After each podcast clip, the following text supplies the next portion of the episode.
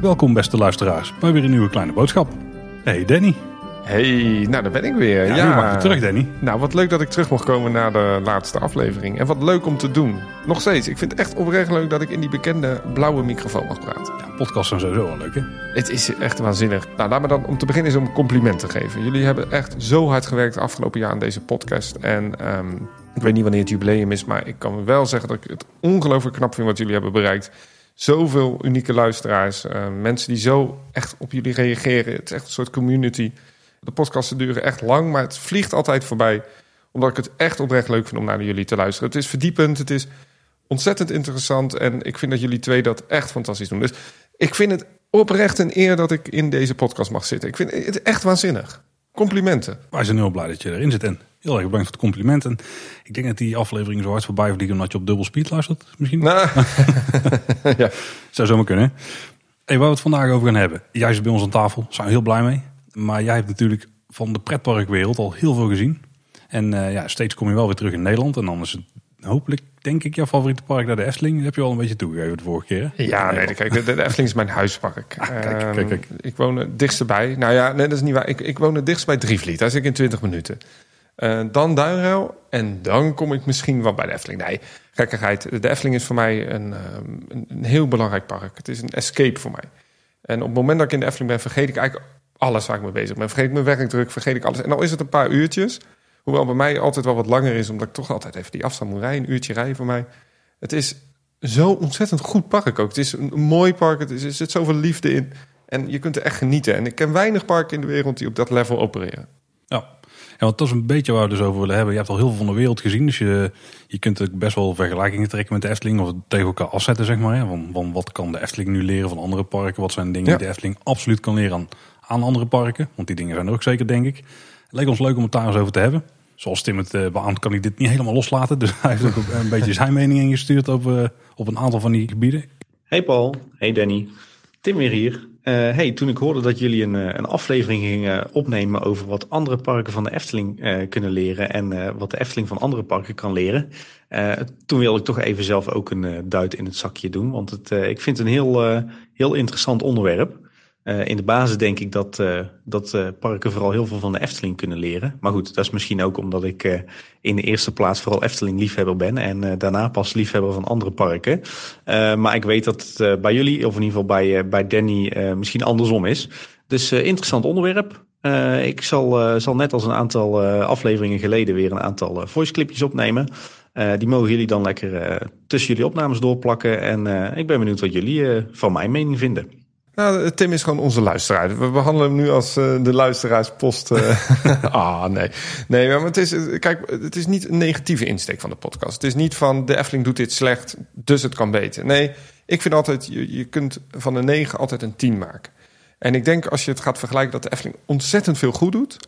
Maar het kan allemaal daar nog op andere punten misschien weer wat beter. En dat wil niet zeggen dat het slecht is. En dat wil ik wel even vooraf. Het is niet negatief ja. bedoeld. En ik kijk er wel heel erg naar van wat zijn nu dingen die andere spelers bijvoorbeeld doen die ik graag in de Efteling zou terugzien. En wat zijn dingen die ik echt mis als ik in een ander park ben, die ze bij de Efteling wel doen.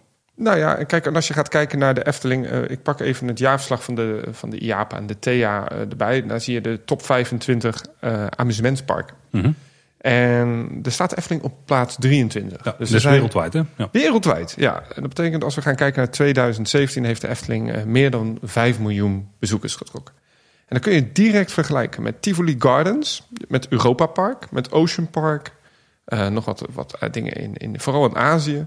En uh, dat is natuurlijk wel heel knap. Als je dat als park ja. gewoon een Nederlandse speler daarin komt te staan. Ja, en uh, dicht in de buurt staat bijvoorbeeld ook de Walt Disney Studios in Parijs. Ja, heel interessant. Het, uh, kijk, maar je moet natuurlijk wel niet vergeten dat bijvoorbeeld Europa Park uh, is niet het hele jaar open.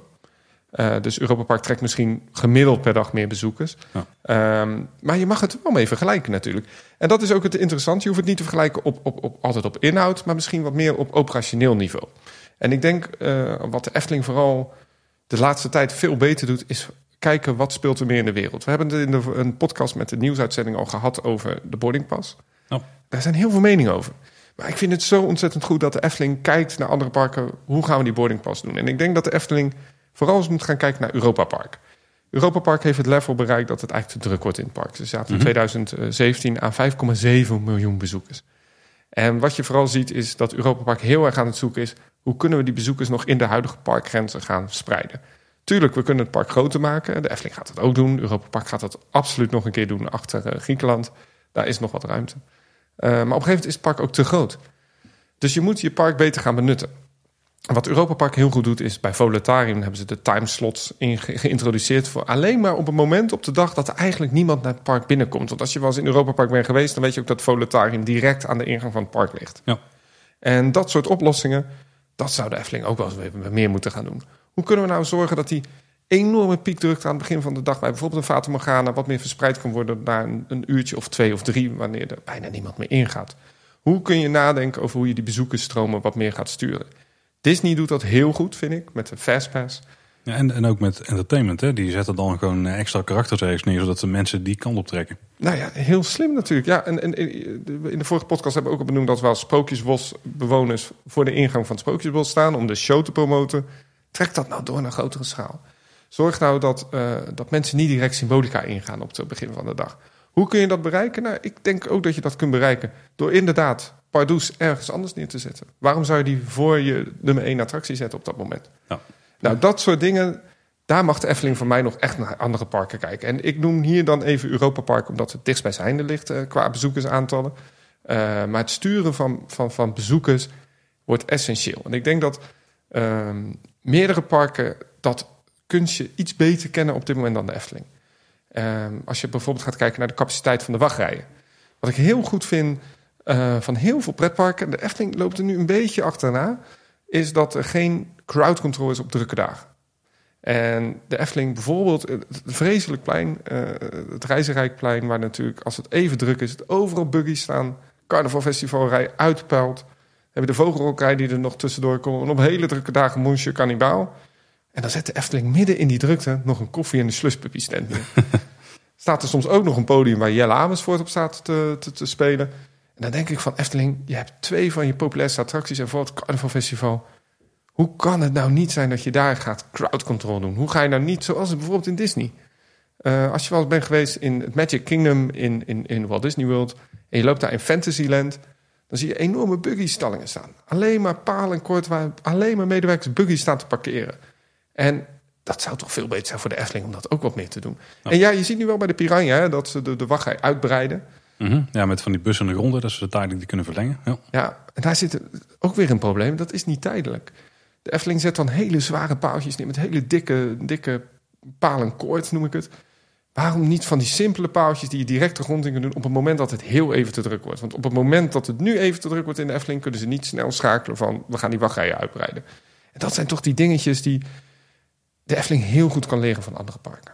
Je ziet wel dat ze een beetje stappen die richting ondernemen. Hè? Want bij eh Gondoletta is het bijvoorbeeld ook. Daar heb je ook die bussen in de grond. Dus het- Ja, de bussen zitten er in ieder geval. Dan is het gewoon een kwestie van andere paalkoortjes erin ste- steken. Als we jouw vaktermen mogen lenen. ja. paal en koord. Ja. En ik denk dat bij Carnaval Festival dat er nog wel wat mogelijkheden zijn zodra het stuurhuis weggaat. Want dan zou je er om de hoek bijvoorbeeld eh, van Jokies Wereld aan de linkerkant. Ja, er zit ja. nu zo'n grote poort en dan krijg je daar best wel Ja. veel ruimte die eh, vrijkomt. En daar zouden ze eigenlijk ook al van die bussen in de grond moeten zetten. Dat ze iets meer de mensen naar, de- naar rechts toe leiden. Wat je natuurlijk heel goed ziet, ook bij de Efteling, is dat ze heel veel oplossingen doen die voor mij niet heel ver doorkijken. Als je bijvoorbeeld gaat kijken naar dat Reizenrijkplein, ehm, dan kan die carnavalfestival gewoon prima blijven staan. Maar je kunt die wachtrij helemaal verleggen. En inderdaad, als je dat, dat stuurhuis gaat weghalen, of als je Jokies Wereld gaat gebruiken als deel van een wachtrij. En je gaat Jokies Wereld uitbreiden op de plek waar nu de invalide parkeerplaats zit. Of eh, de invalide parkeerplaats. Nou ja, ze staan er wel eens te wachten, maar ik bedoel instapplaatsen. Je maakt een nieuw groot souvenirstand waar je je actiefoto's verkoopt, waar je ook direct een winkel maakt. En je breidt als het ware die gevel gewoon helemaal naar voren uit. Het is nu ook een beetje een doodshoekje altijd, dat vind ik. eh, daar gaat vaak het entertainment naar achter. Eh, je kunt ook heel slim gaan nadenken, hoe kunnen we nou die attracties echt gaan plussen? En iets wat ze ook hier in Europa Park vind ik heel goed doen, is nadenken van hoe kunnen we nou bestaande attracties gaan plussen? En ik was eh, eh, eh, deze, dit jaar nog eigenlijk deze winteropening in Europa Park. En daar hebben ze net het hele Franse gedeelte opgeknapt. Ze hebben daar bottlenecks weggehaald, de Cancan coaster. Nou, Gelijk even een side mening, even, even een kleine boodschap in het Duits. Maar niet, niet, het is niet verbeterd. Maar wat ze wel hebben gedaan is de wachtrij helemaal opnieuw bedacht. Waar kunnen we nog wachtrijstukken kwijt? De, de nieuwe Dark Ride of de vernieuwde Dark Ride. Gelijk een souvenirswinkeltje erbij. Gelijk de hele looproute veranderd. En ik zou zo graag willen dat de Efteling daar eens naar gaat kijken. Hoe kunnen we nou echt de attracties plussen? Hoe kun je nou echt zorgen dat het allemaal beter gaat? En ja, de Efteling doet al heel veel. Ik vind bij de Morgana heel slim dat ze nu de, de, de, de invalide aan de andere kant... via de, de hoofdingang als het ware naar binnen laten gaan. In Mhm. plaats van dat je op een belletje moet drukken. Ehm, en tuurlijk, die oude attracties zijn er niet op meegenomen. Eh, en daar zit eigenlijk dan weer direct een ander punt. De Efteling heeft zo'n mooie ontwerpstudio. Maar bijna bij elke nieuwe attractie is er wel wat op aan te merken. Is er wel iets op aan te merken qua crowd control? Is er weer een, opmerking over bagage? En ik zou ook willen dat de Efteling in dat geval wat meer gaat kijken naar Disney. Hoe kunnen we nou de dingen doen? Als we gaan kijken bijvoorbeeld naar de Baron, dan zien we ook dat bij Heidepark daar een heel ander bagagesysteem zit bij hetzelfde type attractie. En waar loopt de tegenaan? Tegen het bagagesysteem. Dan denk ik, Efteling, heb je daar nou niet naar gekeken? Heb je nou niet gekeken hoe Alton Towers dat doet bij de Smiler? Heb je niet gekeken hoe andere parken dat doen? En dat zou maar zijn ook wel heel goed zijn voor de Efteling om eens gewoon te gaan kijken bij directe andere concurrenten. Misschien niet qua bezoekersaantallen, maar wel qua type attracties. Nou, ze hebben bij Heide Park zelfs letterlijk gekeken. Want volgens mij zijn ze daar regelmatig in eh, de dive coaster geweest om überhaupt het type te checken. En, en dan nog die fout maken met je bagage. Ja, ik, ik kan daar niet over uit. Eh, nogmaals, ik vind de Baron een van de beste toevoegingen in de Efteling sinds eh, misschien wel de Fata Morgana. Ik vind het echt een hele goede attractie, maar dan toch net even weer dat bagagesysteem. Ik heb dat ook bij de, bij de Symbolica hoor, dat er dan toch weer aanpassingen moeten worden gedaan in de voorshow. Dan denk ik van, dat weet je toch vooraf. Dat je niet genoeg mensen in je voorshow krijgt als je daar geen hekjes zet. Ja, Om nog even terug te gaan over dat plaatsen van entertainment. We zien op plaats 15 in die top 25 eh, Universal Studios Hollywood staan. Mhm. En een groot probleem met Universal Studios Hollywood is het de layout van het park. Ben je er wel geweest? Eh, nee. Ooit? Nee? nee, nee, wel in eh, Hollywood. Nee, nee, eh, jawel, daar ben ik wel geweest. Ja, het heeft... Niet in het park. Oh, niet in het park, Alleen- wel in Hollywood. Nee, de City Walk ben ik geweest toen. Ja, je stond op de set natuurlijk van een film, of niet? Ja, dat, Ja. dat was, maar dat was in de studio zelf.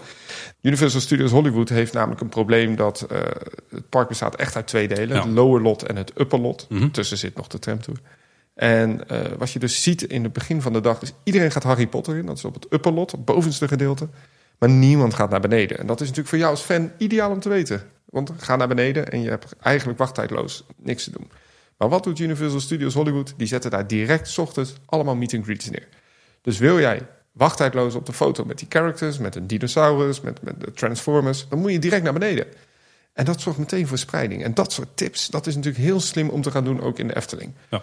Het is voor parken, vind ik op dit moment, en zeker voor parken als de Efteling, essentieel om die crowd control in dat park veel beter te gaan aanpakken. En ze zijn goed op weg met de boarding pass, met, met, met, met, de app, hè, die je nu ook mededelingen krijgt als, als de wachttijd onder 15 minuten is. Super. Maar dat kan nog wel een stapje verder. Ja, ik vraag me af in hoeverre de Efteling er technisch helemaal klaar voor is. Omdat ze, eh, denk ik, geen... Ja, het hoeft niet per se geautomatiseerd te zijn... maar dat ze bijvoorbeeld geen centraal camerasysteem hebben... waarin ze dat soort dingen analyseren. Of dat er in ieder geval niemand is die dat doet. Maar Weet jij of de Efteling ook eh, daadwerkelijk de bezoekers telt die in de attracties zijn geweest? Kunnen ze meten hoeveel mensen per uur daarin gaan? Bij een aantal attracties wel. Want dan heb je de klassieke turnstiles. Mhm. Wat ik dan overigens verschrikkelijke dingen vind in andere parken. dus dat is iets wat andere parken wel kunnen leren. Haal ik dingen gewoon weg en doe het op een andere manier. Absoluut, ja. ja. Nee, ik zou het niet weten. Nee, ik denk ja, dat ze wel misschien een soort schatting moeten geven in het algemeen van hoe eh, de capaciteit benut wordt. Ja, ik heb die vraag wel eens gesteld aan een eh, Efteling-medewerker bij de Baron. En die zegt van, eh, de boordcomputer meet in principe hoeveel treintjes er per uur weggaan. Ja. En wij gaan ervan uit dat elk treintje vol zit. Bij de Baron kunnen er redelijk van uitgaan. Ja. Wat ik rustig is. wel weet is dat ehm, parken als de Efteling en Walibi ook heel erg bezig zijn met het scannen van mensen in de attractie. Met de, de middel van sensors. De Efteling heeft daar ook testen voor uitgevoerd, eh, weet ik. Ik, ik, heb, ik kan ze niet zeggen waar of wanneer. Dat weet, want ik weet dat zelf niet. Ik heb het nooit gezien of ik heb het nooit op Twitter of voorbij gezien komen. Eh, maar dat heeft nog steeds een te grote foutmarge om daar echt, echt goede meetbare resultaten, betrouwbare resultaten te kunnen boeken. Ehm, ik denk wel dat dat voor de Efteling op een gegeven moment wel essentieel gaat worden. Hoe ga je nou je, je bezoekersaantallen meten? En als je gaat kijken naar Disney, die weten exact op welk moment het druk wordt. Ik heb gewerkt in eh, Walt Disney World, nog met het oude eh Fastpass systeem, want dat is inmiddels al een enige, enige tijd geleden. Ehm, maar wij hadden een computer en dan konden we precies zien in alle parken hoeveel Fastpassen we moesten uitgeven om de drukte naar ons toe te halen of juist af te stoten. En zo was bijvoorbeeld eh, in, de, in, de, in de studio's, in de, in de Disney MGM studios destijds, nu de Hollywood studios, eh, ging iedereen 's ochtends naar eh, Tower of Terror. Dus Mhm. werden daar minder fastpass uitgegeven, maar heel veel fastpassen voor Star Tours. En er was zelfs toen je nog bij de Tower of Terror een Fastpass haalde... kreeg je nog een Fastpass voor Lights Motors Action. De eerste show, juist om die vol te krijgen. Ja. Nou, dat soort technieken kun je natuurlijk heel goed gebruiken, ook in de Efteling. Ja, het is wel het voordeel van hoe Fastpass werkt. Want daar kun je het uitgeven naar ratio. Hè? Alleen de boardingpass zoals hij nu bij de Python draait. Misschien is het op het moment dat het wordt uitgezonden weer eh, veranderd. dat zou best kunnen. Zou best kunnen, ja. Eh, maar daar is het gewoon eh, ja, om heel de attractie eigenlijk vol te krijgen. Behalve wat single riders die er dan nog los bij kunnen. Exact. Dus daar kun je niet zo goed mee sturen. Dus dat is inderdaad misschien wel, wel een goede tip inderdaad. Ja, daar zouden ze wel iets mee kunnen doen. Maar ik, denk dus dat een goed verbeterpunt zou zijn dat ze zoveel mogelijk geautomatiseerd van een hele goede indruk krijgen van waar het druk is in het park. Zodat ze inderdaad daarop kunnen inspelen. En ik denk dat de Efteling ook wel echt goed op weg is. Hè? Kijk, als je gaat kijken wat de Efteling nu doet, dat je, eh, we gaan het ooit meemaken, dat je digitaal je, eh, je bestelling kunt doorgeven via de app. Ja. Dus je kunt je frikandelletje lekker bestellen en hopelijk eh, wordt dat heel snel gedaan. Ik denk dat dat soort systemen voor de Efteling heel goed zijn. Ik denk echt oprecht dat je daarmee je piekmomenten in de Efteling gaat, eh, veel beter gaat kunnen opvangen. Ja. Het is overigens natuurlijk niet nieuw hè, om, je, om je bestellingen digitaal door te geven. Eh, Disney doet het al langer, Universal Studios heeft het nu aangeboden. En ik denk dat het een kwestie voor tijd is dat andere parken dat ook doen. Ik, ik kijk er nu al uit. Ja, eh, Ik heb een keer bij een uur bij station de Oost staan wachten om een bestelling überhaupt te kunnen doen. ja en, die tijd kunnen overslaan, dan daar ben ik voor. Wat, wat, wat, wat mijn grootste verbeterpunt is ook voor de Efteling... is dat op het moment dat het echt druk is in de Efteling... is de kwaliteit echt, echt zoveel minder. Ehm, en tuurlijk, ik snap het, op drukke dagen moet je langer wachten. Maar die ervaring in de Efteling is op drukke dagen echt stukken minder. Ik denk dat de Efteling als, als internationale speler... daar heel goed en kritisch naar moet gaan kijken. Ik denk dat dan daar, ik weet niet precies met welk park we dan kunnen vergelijken, maar ze waren afgelopen jaar in ieder geval heel erg reactief op de drukte. Dus dat ze naar de rand nog probeerden verbeteringen door te voeren. Ja. En Dat kun je van tevoren gewoon weten. Er zet een paar extra toilet, eh, van, die, van die mobiele toiletunits neer en zorg voor een extra paar uitgiftepunten. Of zoals je in de vorige aflevering die we samen maakten voorstelde, gooi die eh, restaurants gaan open. Maak de buffet op de, de evenementlocaties en maak de buffetrestaurants van. Ja, en ik denk, werken. eh, kijk, ik weet, ik ken de agenda van de eventafdeling niet. En ik weet ook dat de eventafdeling voor de Efteling heel belangrijk is qua omzet. Daar halen ze natuurlijk heel veel geld mee binnen. Maar op die juist die drukke momenten in het jaar. En je hebt een leeg theater staan in het park. Waarom zou je daar niet iets mee doen? En natuurlijk, nu hebben we Caro. Ik denk dat dat heel goed is. Eh, maar het is toch te vaak nog leeg, denk ik, op die drukke momenten. En je hebt nog andere zalen. Waarom zou je dat intern niet kunnen regelen... dat daar dan overdag, als er geen boeking is... juist wat extra entertainment is? Breng een, een poppenkast terug. Eh, breng die waterorgel misschien terug. Ik denk, tuurlijk, die waterorgel... anno nu, ja, je kan er veel beter mee. Tuurlijk, je hebt Aquanura. Maar het is wel capaciteit. En het is overdekt. Het is overdekt, ja, maar dat Ja. is het. Dat zou de Efteling natuurlijk ook heel goed kunnen doorvoeren. En ik denk dat dat inspringen op die piekmomenten... en dan hebben we het misschien al wat meer over entertainment... eh, dat park ook heel goed kan kijken naar andere parken. En het carouseltheater hebben ze ook nog. Daar zou je perfect een grotere variant van poppenkast kunnen doen. Ja, tuurlijk, waar de pubquiz is geweest. Ja. ook. ja, ja, ja de, de Carouseltheater, prachtige zaal. Eh, onbegrijpelijk dat het zo niet zichtbaar is voor het publiek. Ik heb overigens daar altijd nog wel eh, bijzonder gevonden hoor... Dat, dat de Efteling niet dat Carouselpaleis anders gaat inrichten. Ik denk dat het Carouselpaleis anno nu ook wel een upgrade kan gebruiken. Het is een, een, een een attractie in één. Er zit wat eventlocaties, zit voor mij nog een tv-studio ergens verstopt. Waarom zou je zo'n prime real estate, wat midden in je park staat, gebruiken voor een studio? Een studio is een zwarte doos. Dat kun je Nou, letterlijk ergens gewoon een achter, of zo zetten. Ja. achter Bosrijk bouw je een loods en doe daar je studio's bouwen. Noem het Efteling Studios. Later een tram doorheen rijden in het studio tram toe. Maar dat even En heel bouw te het 20 zijn. jaar later weer om. Ja. Nee, maar dat is natuurlijk gekkigheid. Maar ik snap niet dat men die, die, die, die real estate midden in dat park niet goed gebruikt. Eh, ik heb dat ook een tijd al een beetje van diorama gevonden. Eh, waarom zou je daar ook niet een horecalocatie in plaatsen? Ja, de Zonder een parkjes diorama te sluiten. Nee, dat laat je natuurlijk gewoon. Maar gebruik je ruimtes. Ja. En er staat een bar in, hè?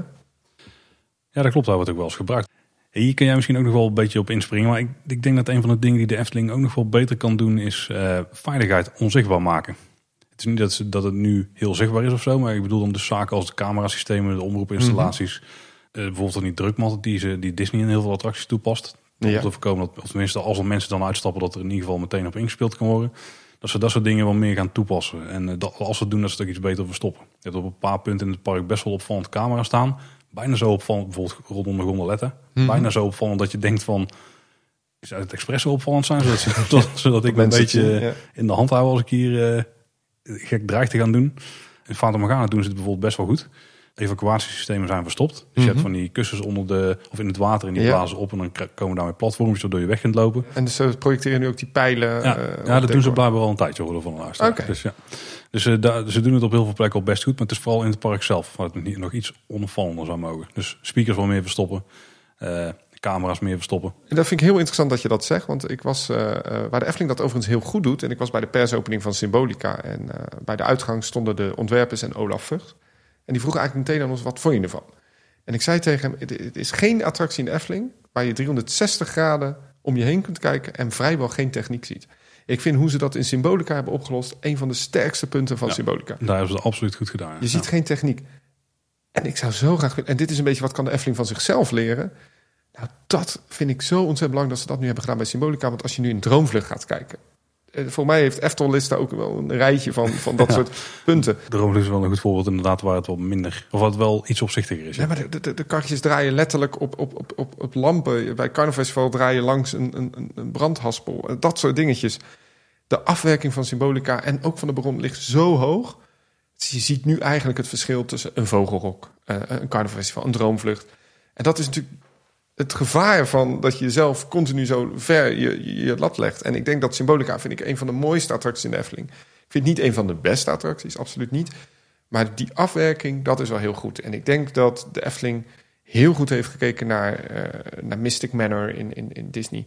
Uh, Hongkong. Ik denk dat ze ook heel goed hebben gekeken naar andere parken waar die afwerking altijd fantastisch is.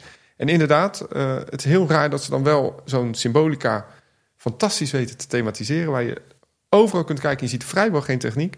Maar dan overal die afzichtelijke speakers ineens zichtbaar laten zien. Ja, en bijvoorbeeld in eh Droomvlucht is wel een van de plekken waar het meeste te halen is. Want je ziet daarop, eh, als je een beetje op zit te letten, zie je gewoon de, de, de nooduitgangen overal lopen. Met de lampen vaak nog aan, zeg maar, met het doekje niet helemaal Ja. goed teruggehangen. Ben daar dan ook een beetje nauwkeurig op, weet je wel. Of, of, of zorgen dat er nog een extra doekje voor hangt. Ik snap wel als er iets aan de hand is dat mensen snel de uitgang moeten kunnen vinden. Maar daar, eh, en dan is het misschien nog wel het meest vervelende, want er zit ook echt ervaring dwars. Zijn die plateaus in de Elftuin. Ja, ja, Die vind ik echt Die, verschrikkelijk. die, die draaiing van die karretjes. Dat, eh, Droomvlucht, tuurlijk, je moet ook alles kijken naar de tijd dat het is geopend. Maar Ja, ja, ja. nostalgie is niet altijd even goed om dat, dan je product niet te blijven verbeteren. En dan heb je natuurlijk ook een, een, een, iets wat je heel duidelijk zegt. Wat kan de Efteling leren? Nou, bijvoorbeeld van Universal Studios. Is heel rigoureus wat ik ga zeggen. Dus geen klachten wil sturen. maar wat hun doen... We hebben een oude IP. We gooien het helemaal uit, we gooien de attractie uit, we bouwen iets nieuws. Vaak wat Universal neerzet is niet altijd even goed wat het was. Maar wat zij heel slim snappen is... het trekt geen publiek meer, het is oud, kost alleen nog maar meer geld. We gooien het plat. Ik zeg niet dat Efteling dat moet doen... maar er zijn wel een aantal attracties waarvan ik in de Efteling denk van... ja, goh, moet je die nou echt nog hebben? Of kan je die niet echt niet iets nieuws gaan zetten? Eh uh, Monsieur Cannibal. Eh, is dat nu nog anno nu? Is dat nog wat? Uh, zou je toch dat, dat Anton Pieckplein niet anders kunnen gaan indelen? Kun je dat Efteling Museum niet gaan verplaatsen? Nou, bijvoorbeeld het diorama. Maak, het, maak een enorm groot Efteling Museum in het hele Carouselpaleis. En gebruik dat Efteling Museum hoe het nu is. Want het is gewoon te klein, vind ik. Het is zonde. Je hebt zoveel mooie stukken te laten zien. Uh, gebruik het Efteling Museum dan eens een keer als, bijvoorbeeld als een upscale restaurant. He, want de Efteling heeft ook geen upscale restaurant waar je gewoon nee, een goede tafel We lopen een beetje vooruit op de feiten. Hè? We lopen een beetje vooruit, maar wat ik hiermee zeg is... Uh, je hoeft niet altijd uit nostalgisch oogpunt uh, te blijven hangen in wat het is. Je kunt ook, en ik zeg echt niet dat Efteling uh, plat moet gooien natuurlijk. Maar wat ze in Universal Studios heel goed doen, is hoe kunnen we iets beters neerzetten? Hoe kunnen we dingen gaan plussen? En ik vind bijvoorbeeld dingen als de Fatum gaan, dat ze daar heel goed op weg mee zijn. Die attractie van een van mijn favoriete attracties. Die, die attractie zo goed geplust. Ik zou zo graag willen dat ze dat nu bij al die andere attracties doen. Ja, dat, dat is ook wel een van de dingen die ze inderdaad wel zouden mogen leren van uh, Disney. Of in ieder geval mogen afkijken. Maar de nieuwe visie is dat ze dat dus ook gaan doen. Tenminste, niet specifiek misschien als attracties gaan plussen. Maar in het algemeen wil ze heel de, heel de, heel de ervaring plussen hè, van heel de Efteling. Als je daar bent, dan moet een 9 plus horen. Ja, maar ik denk dat ze dat ook zeker aan het doen zijn. Ja, nee, ik, ik denk ook dat voor de meeste dingen die we nu noemen, dat we de... Uh, dan moeten we het uh, noemen als we technisch uitdrukken. Daar staan de vectors de goede kant op. Maar alle, alle, alle aanwijzingen die we krijgen, zeg maar, die wijst er wel op dat ze dit eigenlijk allemaal aan het doen zijn voor een groot deel. Ja, ja zeker. Dus dat is uh, ja. sowieso prijzenswaardig. Hoe goed ik de Efteling zelf natuurlijk ook, uh, ook vind. Ik denk dat dat iets is wat wel bekend is onder onze luisteraars. Denk ik dat de Efteling nog steeds ook wel wat kan leren van andere parken. Daar moeten we de ogen ook niet voor sluiten. Uh, ja, ik denk dat het dan goed is om vooral te kijken naar de parken die ik zelf wat vaker bezoek. in aflevering 49 hebben we het daar al uitgebreid over gehad. En een van de parken waar ik vaak ben geweest is natuurlijk Disneyland Parijs. Een park waar ik zelf toch een dubbel gevoel bij heb. Maar goed, ik, ik zal dat nu niet hier nog een keer herhalen. Um, een van de positiefste dingen aan, Disneyland Parijs vind ik toch wel... is dat het park zoals dat ooit in 92 ontworpen is... dat dat gewoon een schitterend themapark is. Ik denk dat het, het park zoals dat er in de beginjaren bij lag dat dat zonder enige twijfel het, het mooiste themapark eh, van Europa was. En misschien ook wel wereldwijd, als ik de verhalen van anderen uh, mag geloven. En ja, wat kan Efteling daarvan leren? Ik denk dat het, zeg maar het, het, overkoepelende ontwerp van het, het park als totaal, hoe dat in elkaar zit met, met een, een Main Street, met de verschillende landen, met dat, dat hub- en spokesmodel. Uh, met, met de thema's en de verhalen die kloppen per land, maar ook de, de, de vloeiende overgangen. De, de, de backstory uh, die overkoepelend is in een land en die, die zich dan weer doorvertaalt in attracties. Zeg maar het feit dat het, dat het totaalontwerp, dat het totaalplaatje gewoon 100% klopt. Dat er niks aan het toeval is overgelaten. Dat de bordjes, de lettertypes, de personeelskleding, de verharding, het groen, eh, de muziek alles klopt, van voor tot achteren. Uh, en is volledig in thema. En, en er is bij wijze van spreken geen, geen plekje niet gethematiseerd. Of, of waar het thema of het verhaal niet klopt. Hè, dat, dat, zeg maar dat, uh, dat totaalontwerp, ik denk dat dat iets is uh, waar de Efteling ook wel wat van kan leren. Niet in het huidige park. Want ik denk dat de charme van het huidige park juist is dat, dat, het, dat het organisch is gegroeid.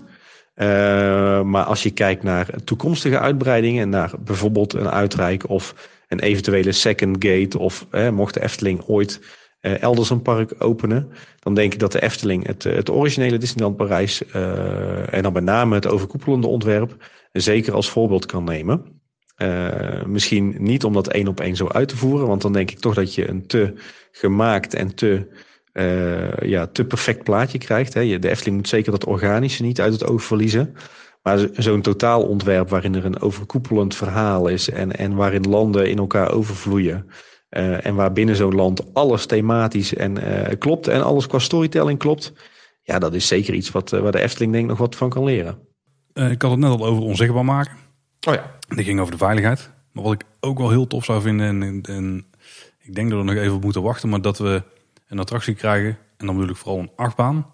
Waarbij de achtbaan onzichtbaar is gemaakt. Dus ja, waarbij die ja, echt netjes kloppend is weggewerkt in het verhaal, zeg maar. Ik, ik, vind dat bij de Baron, daar ownen ze het gewoon echt dat het een achtbaan is. Ja. Ook een mooie manier om te doen. Maar ja, als we dan kijken naar Python of zo, ja, dat, dat is gewoon, ja, dat is gewoon een, een achtbaan. Ja, staal met een verhaal, hè? Ja, de staal met historie. Ja. nee, je hebt gelijk. Uh, je hebt natuurlijk heel veel... Uh, nu moet ik wel zeggen, je bent vaak gelimiteerd aan het mijntrein-effect. Uh, Je kunt een achtbaantrek niet heel anders uh, thematiseren als een mijntrein. Als je de trek wil meenemen in de thematisering. Uh, nee, dan inderdaad een opgeslagen treintje is dan wel het meest van hand liggend. Ik ben heel benieuwd hoe ze dat gaan doen met Max en Morris. Uh, maar dat wordt natuurlijk ook een, een, treintje. Ja, daar lijkt, tenminste als we de concept art moeten geloven, dan wordt het daar gewoon een, een kale achtbaan in principe. Maar die wel door wat interessante objecten in ieder geval heen gaat. Dus daar lijkt het wel iets meer te zijn dan de Python bijvoorbeeld. Of eigenlijk de Bob, hè. Want als die in een berg was weggewerkt, dan was het wel echt een gouden attractie geweest. Dan, dan had niemand hem willen zien. Ik, ik denk dat ik een hele onpopulaire mening heb, maar ik vind het heel goed dat ze de Bob weggaan. Ik, ik vind het de reden waarom ze het doen, vind ik heel goed. Ja, het is ergens jammer dat hij weggaat, maar ik snap precies waarom. Ik snap ik helemaal, ja. Ja, ik, ik, zou vooral echt heel benieuwd zijn van wat zou de Efteling ervan kunnen maken. Als je kijkt wat ze de laatste jaren doen, uh, Baron, mag je dat best wel bijtellen. Ook al, mhm. ook al doet hij er precies tegenovergestelde van wat ik hier dan graag zou zien. Maar het lijkt me echt heel tof als de Efteling een keer nou als een uh, creativiteit erachter zit om een achtbaan te verstoppen. En ik ben echt heel benieuwd wat daar dan uit zou komen. Zeker, ik denk dat ze bij de Baron de juiste keuze hebben gemaakt. Door te zeggen, we leggen de focus op de lift hill, we leggen de, focus op de drop. En de rest is gewoon een beetje not so seen green. Hè? Dat is ook om daar weer eens een vergelijking eh, te trekken met Disney.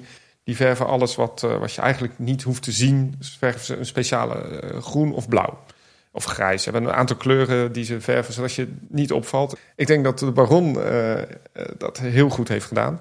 Achtbaan kun je best een achtbaan laten. Maar inderdaad, uh, het zou een uitdaging zijn van hoe kan de Efteling dadelijk de nieuwe 2021, hè, denk ik, achtbaan gaan thematiseren. Hoe wordt dat? Kunnen ze de track misschien wat meer meenemen in thema? Nou, zoals we ook in, in aflevering 49 hebben besproken, heb ik met name ervaring met, met pret- en themaparken in, in Europa. Buiten Europa is dat wat eh, beperkter, maar een plek waar ik eh, wel ben geweest is, eh, is Hongkong. En daar naast Ocean Park natuurlijk ook Hongkong Disneyland bezocht. Een heel charmant Disneyland eigenlijk. maar iets waar de Efteling daar zeker wat van kan leren is van Mystic Manor. een van de nieuwste dark rides die wereldwijd toch aangeschreven staat als misschien wel de beste dark ride en misschien zelfs wel de allerbeste attractie. Um, heeft natuurlijk ook gediend als inspiratiebron en voorbeeld voor Symbolica. Uh, en ik moet eerlijk bekennen dat ik Symbolica op een aantal punten beter geslaagd vind dan uh, Mystic Manor. Uh, Symbolica heeft veel grotere, indrukwekkendere scènes en is voor mijn gevoel ook beter rondom rond helemaal afgewerkt. maar waar Mystic Manor dan weer in uitblinkt is, um, is eigenlijk in het storyboard. Iets wat, wat Symbolica dan weer een beetje mist. Dus een, echt een duidelijk, simpel verhaal. Uh, wat, wat begint op een bepaald punt. Wat, uh, waar iets misgaat, wat spannend wordt, wat steeds spannender wordt, wat toewerkt naar een climax en dan weer, dan loopt het uiteindelijk goed af. Uh, zo, lopen, zo werken natuurlijk alle Disney-attracties en ook ja, eigenlijk zo'n beetje alle attracties in themaparken in algemene zin. Maar een heel simpel en duidelijk goed te volgen storyboard, dat is iets wat, wat ontzettend goed in die dark ride zit. En iets wat wat mij betreft toch een beetje mist uh, in, in Symbolica. Hè? Je, je mist daar de, de suspense, de climax. Uh, en het gevoel dat het uiteindelijk allemaal weer goed afloopt. Uh, dat zit er een klein beetje in bij Symbolica. Maar dat is wat vlakker dan bij Mystic Manor. Waar dat er veel duidelijker en sterker in zit. En daardoor heb je bij Mystic Manor ook minder het gevoel als je uitstapt van, van wat heb ik hier nou beleefd. Dus wat betreft storyboard en suspense is Mystic Manor voor mij zeker een voorbeeld waar waar de Efteling nog wat van kan leren. Uh, zeker als je bedenkt dat het nog steeds kindvriendelijk is. Um, dat is overigens iets wat daar ook zit in uh, Big Grizzly Mountain, de, de, de Chinese variant van uh, Big Thunder Mountain, laten we het zo maar zeggen. En als we nu toch over de attracties bezig zijn, wat ik eigenlijk heel erg jammer vind van uh, Symbolica, is dat het eigenlijk niet echt rolstoelvriendelijk is. Aan de andere kant ook weer wel. Ik moet dat uitleggen. Kijk, wat Symbolica precies wat jij gaat heel goed doet, is een apart station maken voor je rolstoelen. Dus al je minder valide, moet ik eigenlijk zeggen, hebben alle tijd om in te stappen. Eén van de beste beslissingen van Symbolica. Uh, maar als rolstoelen krijg je nu toch niet de hele beleving mee. Want de voorshow, daar zitten weer trappen in. En ik vind het zo jammer dat de Efteling nog niet uh, het ontwerp kan meenemen op de, uh, de minder valide. En ik denk dat je als minder valide in de Efteling echt een hele andere beleving krijgt. Tuurlijk, ze doen er heel veel aan. Ik denk ook dat nu bij de Droomvlucht de VR echt een ongelooflijk goede toevoeging is voor mensen die de attractie niet in mogen. Maar het is zo jammer dat een nieuwe attractie niet de hele beleving nog kan geven als je minder valide bent. Ga je het nou ook weer afzetten naar andere attractieparken, dan zie je toch dat uh, er ook steeds meer attracties toegankelijk worden waar je met rolstoel al naar binnen kunt. Mm -hmm. It's a small world in Disneyland Parijs. Dan kun je gewoon letterlijk inrijden, hoef je je rolstoel niet meer uit. Um, ook bijvoorbeeld bij Ravelijn. De, rolstoelplaats, dat moesten ze achteraf helemaal aanpassen. Want dat was eerst een beetje achter in het decor gebouwd. En ik zou zo graag... Ik ben zelf niet, gelukkig niet minder verliezen. Maar ik hoor van heel veel mensen die uh, met een rolstoel door de Efteling gaan... dat het een, echt een hele andere beleving is. En ik zou ook willen dat ze voor die doelgroep... Daar kom ik een beetje voorop. Uh, wat beter nadenken. ik had ook bij Symbolica echt verwacht dat er een voertuig zou komen... waar je gewoon zo in kon rijden. Want die hebben ze volgens mij bij Mystic Manor ook bijvoorbeeld. Ja, die, die kun je gewoon bestellen natuurlijk. En uiteindelijk is alles budget. Maar bijvoorbeeld ook bij de Baron, ja, je voorshow zie je niet. Ja, ja. En je zou natuurlijk in je ontwerpproces dat wel wat verder kunnen meenemen. Um, daarover gesproken, uh, het laatste punt wat ik eigenlijk heb over attracties... waar de Efteling wat vaker naar kan kijken... is het comfort van de wachtrijen. De Efteling is goed bezig als het gaat om wachtrij entertainment. Ik vind, de, of, hoe de wachtrijen eruit zien. Ik denk dat uh, als we gaan kijken naar de Baron ziet op zich de buitenwacht er prima uit. Toch is het ook wel daar dat ik denk van je weet dat je uh, pubers hebben die, die dit soort attracties gaan doen, die overop gaan krassen. Waarom laat je dan die wachtrij letterlijk tegen de muur aan staan van je, van je station? Walibi kan dat ook heel goed. Walibi trekt dan nog meer, Walibi Holland dan zoveel jongeren. En die bouwen dan Lost Gravity en die bouwen dan een container waar iedereen door moet op een, een gangetje van 1 meter breed. En elke keer de start van het seizoen wordt het geverfd. Een dag later zit het bijvoorbeeld graffiti. Ze moeten een losse graffiti noemen. Losse graffiti, ja, maar ik, dan denk ik als park, denk daarover na. En, en, en, dat heb ik in de Efteling ook een beetje, dat ze nog toch de wachtende een beetje vergeten. Je mag nog steeds min of meer, je mag niet roken in de wachtrij, maar er wordt niet op gecontroleerd. Er wordt ook niet omgeroepen. Kijk je naar Europa Park, dan wordt dat letterlijk elke 10 minuten bij Blue Fire op een thematische, correcte wijze omgeroepen. Je mag niet roken in de wachtrij. Uh, vanwege gases. Oh. nee, maar ik denk dat, Efteling doet dat dan ook. Je weet dat mensen doen. Je weet een grote ergernis is. En de laatste kleine ergernis die ik heb over de wachtrij van Efteling... is dat bij attracties waar je altijd moet wachten... bij Symbolica vanwege de voorshow, vanwege de Baron... vanwege de voorshow, sta je altijd buiten onoverdekt.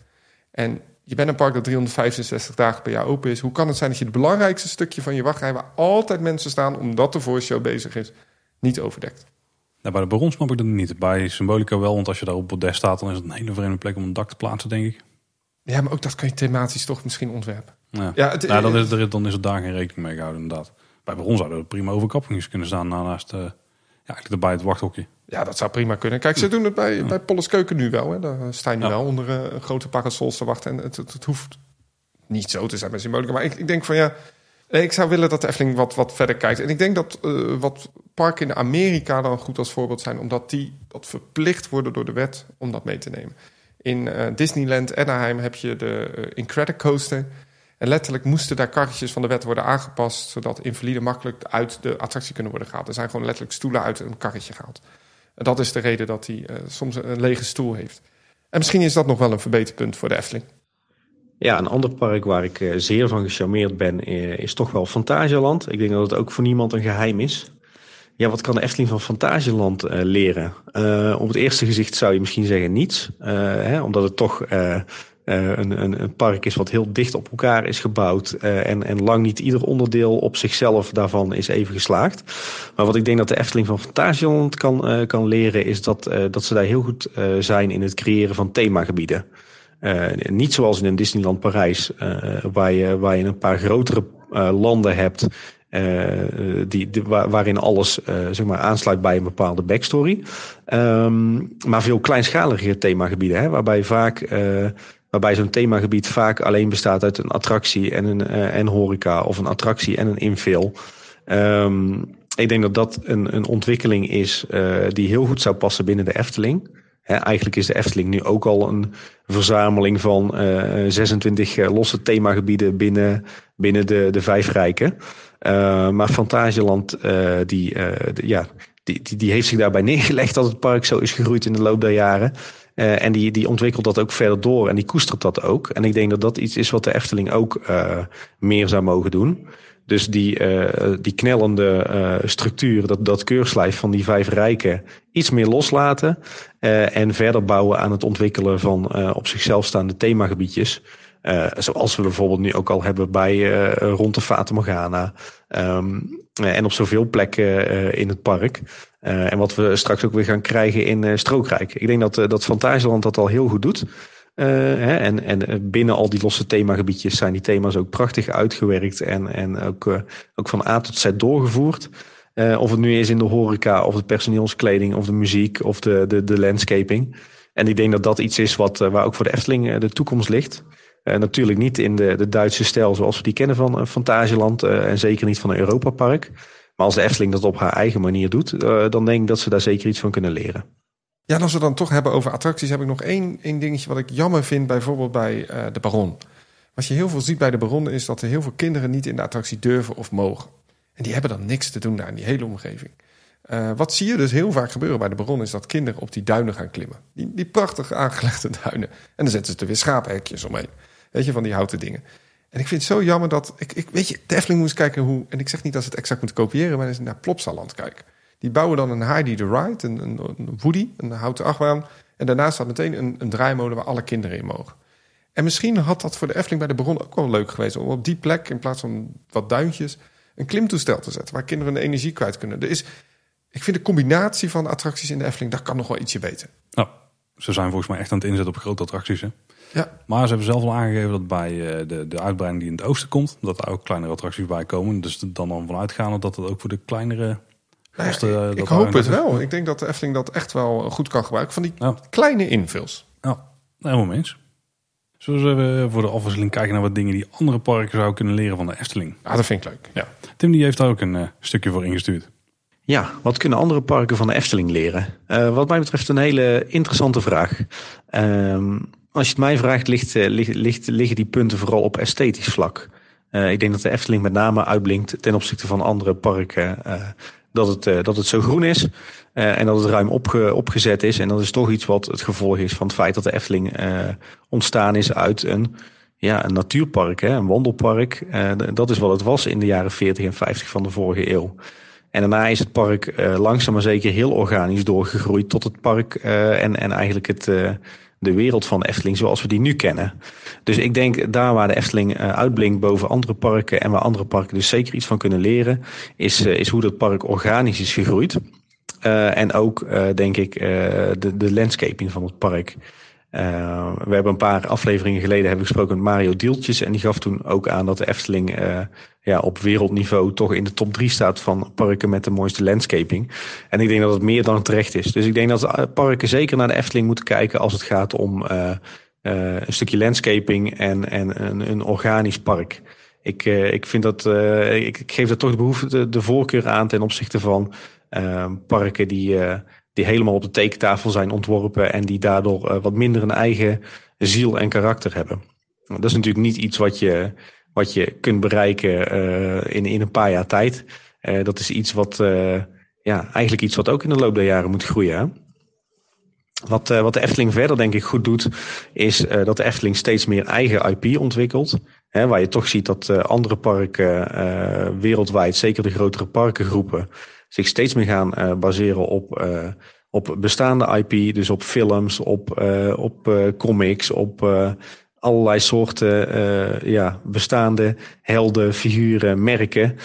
zie je dat de Efteling dat niet doet. Hè? Ze zijn zelfs afgestapt van, van het plan om grootschalig hun eigen mediaproducties te maken. Nee, ze maken gewoon mooie attracties. En natuurlijk worden daar verhalen voor bedacht. Of wordt er gebruik gemaakt van bestaande sprookjes of volkverhalen. Maar het is niet zo dat er, eh, dat er klakkeloos uh, ja, bestaande films worden gepakt uh, en, en die even op, een, ja, op een andere manier worden uitgewerkt in een attractie. Dus ik denk zeker het, het, het, gebruik van eigen IP, van, van nieuw ontwikkelde verhalen, dat dat zeker iets is wat, wat andere parken van Efteling kunnen leren. En als je dan bijvoorbeeld de Efteling afzet tegen bijvoorbeeld een Disney en een Universal, denk ik dat de Efteling momenteel zeker creatiever is.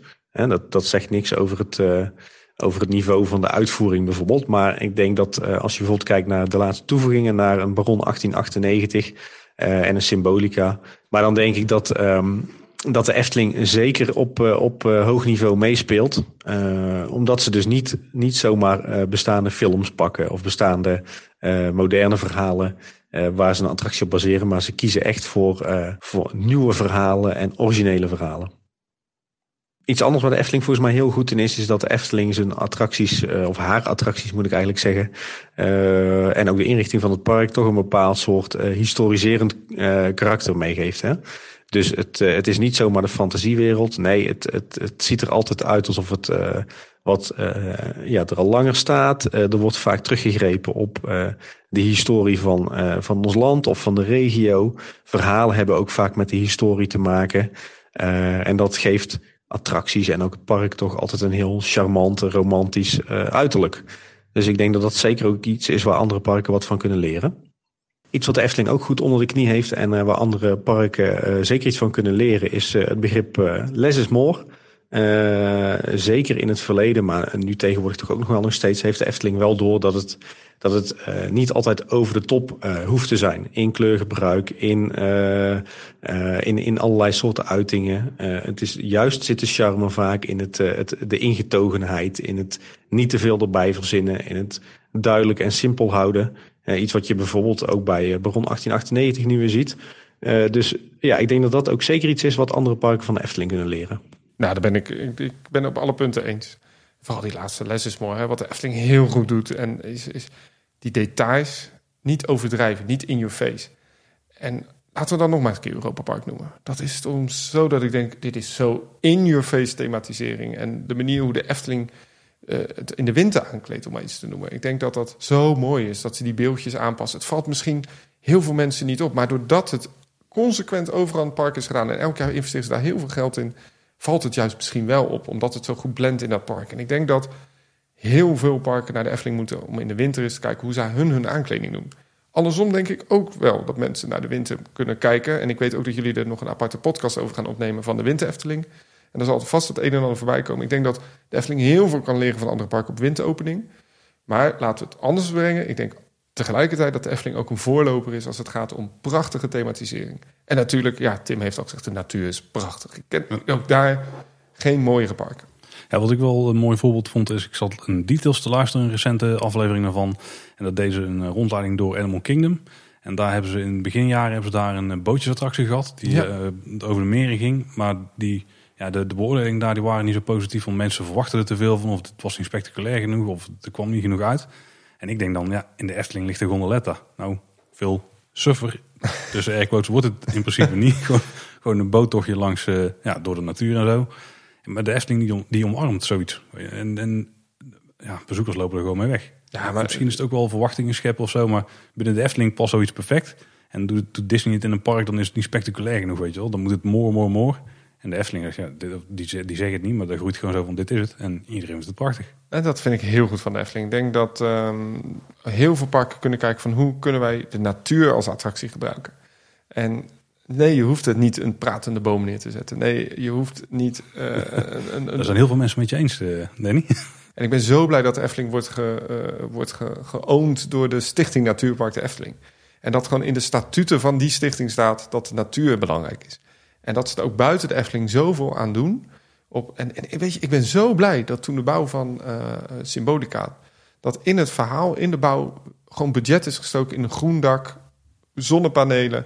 En dan denk ik echt van, ja, wauw, Efteling. Ik ben zo blij dat jullie mijn thuispark zijn. Want dit, dit is precies waar de Efteling voor staat. En Ehm, een van mijn favoriete attracties in de Efteling is de pagode. Omdat dat, daar kijk je en dan denk je, oh, god, dit is toch een van de mooiste groene parken ter wereld.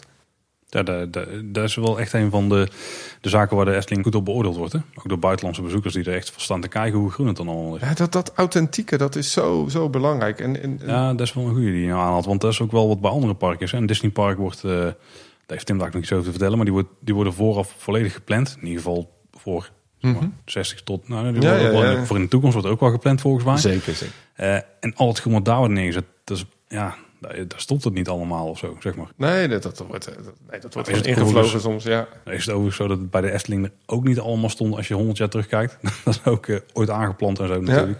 Maar niet met het idee van hier komt een eh, pretpark te liggen. Dat concept bestond er nog niet eens volgens mij. Dus het is inderdaad dus organisch gegroeid en daar krijg je wel mee. Dat krijg je zeker mee. En toch vind ik ook wel dat de Efteling daar wat meer aan kan doen. Het, het, het is geowned door een, de eigenaar is een stichting Natuurpark de Efteling. En ik vind hoe ze het in het Loonse Land hebben gedaan echt heel goed. Het Loonse Land laat zien van wat we doen met biomassa, wat doen we met de groentetuin. En ik had eigenlijk wel gewild dat de Efteling misschien wat meer in dat park wat zichtbaarder laat zien over de natuur. En ze doen wel eens wat op YouTube, ze doen wel eens wat eh, op blog schrijven.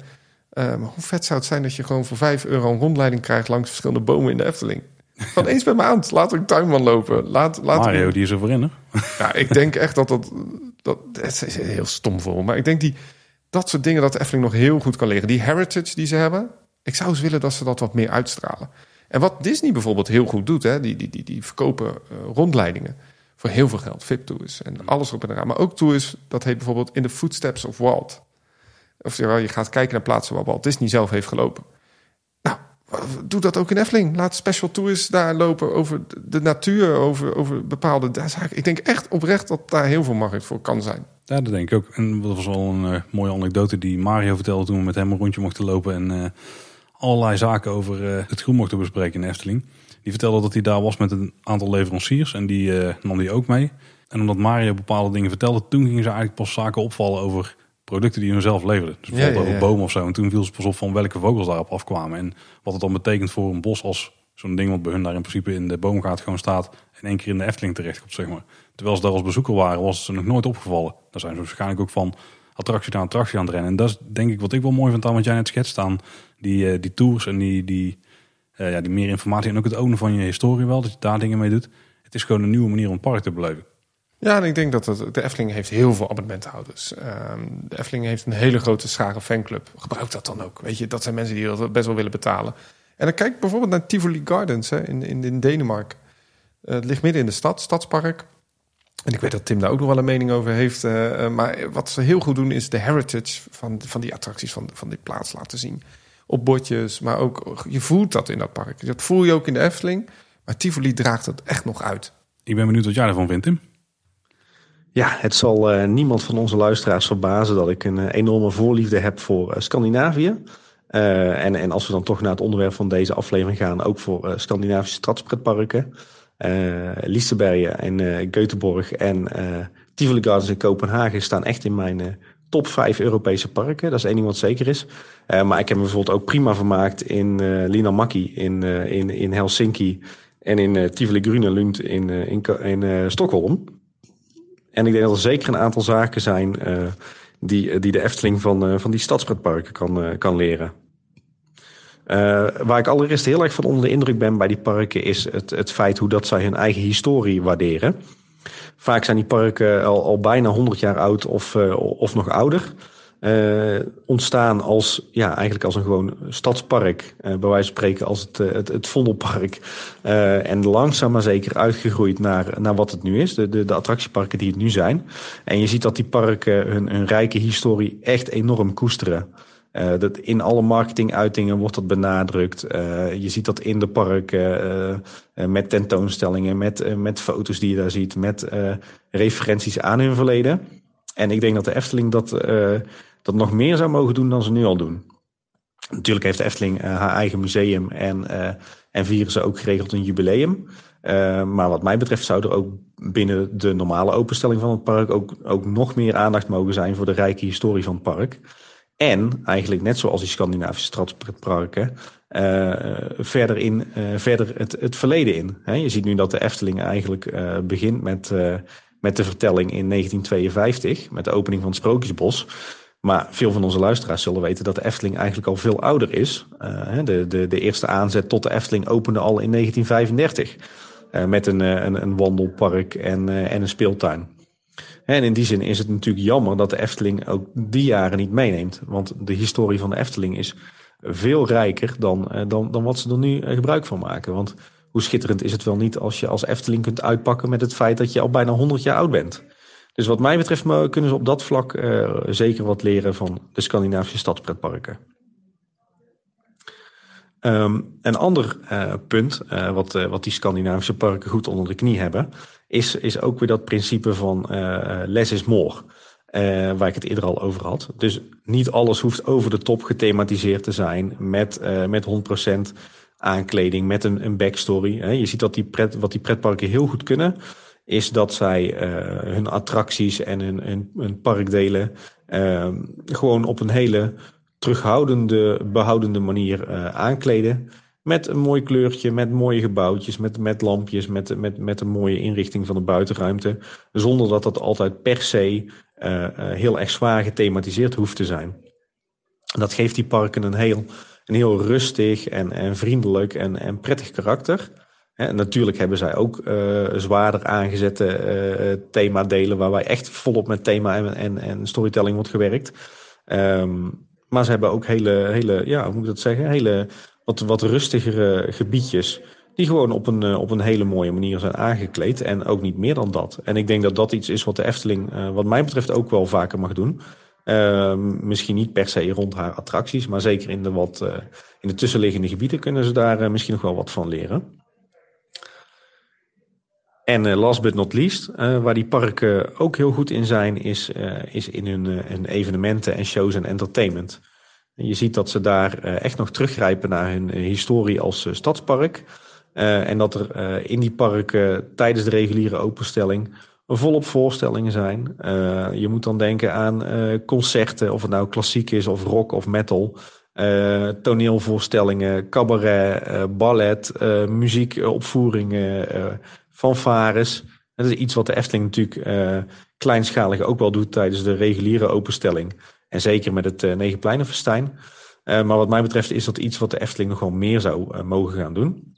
Het is daar lang niet altijd entertainment in thema met, met een verhaallijn. Hè, zoals dat nu in de Efteling wel altijd is. Maar het is vaak dus ook gewoon heel erg ja, uh, het, vervult een functie als, als podium voor, voor ook voor de lokale en de regionale artiesten en, en, uh, en uh, gezelschappen. Zeker Tivoli Gardens is daarbij echt een goed voorbeeld. zij werken heel veel met, met heel stijlvol entertainment. Met, met, met schimmenspellen, met, met ballet, met klassieke muziekopvoeringen. Iets wat daar schitterend past in dat, dat park. En wat mij betreft zou dat ook, eh, ook heel erg goed passen binnen de Efteling. En ook een, een heel erg stijlvolle manier van entertainment zijn. Nou, ik, ben heel blij dat Tim fan is van Scandinavië. Ik moet zeggen, een van mijn favoriete pretparken ligt daar. Of eigenlijk allebei liggen ze in hetzelfde land. Liseberg en Gronalund. Ik kan niet kiezen. Ik vind ze allebei geweldig. Uh, het mooie is dat lokale karakter inderdaad. En dat stralen ze ook daar heel erg uit. Het zijn totaal niet de parken die je kunt vergelijken met de Efteling. Het is een totaal andere doelgroep. Maar wat die parken goed doen, die zijn echt afgestemd op de directe bevolking. En ja, dat is natuurlijk fantastisch. Ik heb wel eens het idee dat Efteling dat soms misschien een beetje vergeet. Die, die lokale, de, de lokale abonnementhouders, echt de, de, de, de, de diehards. Nou, als we dan toch over abonnementhouders hebben, is daar nog zaken voor?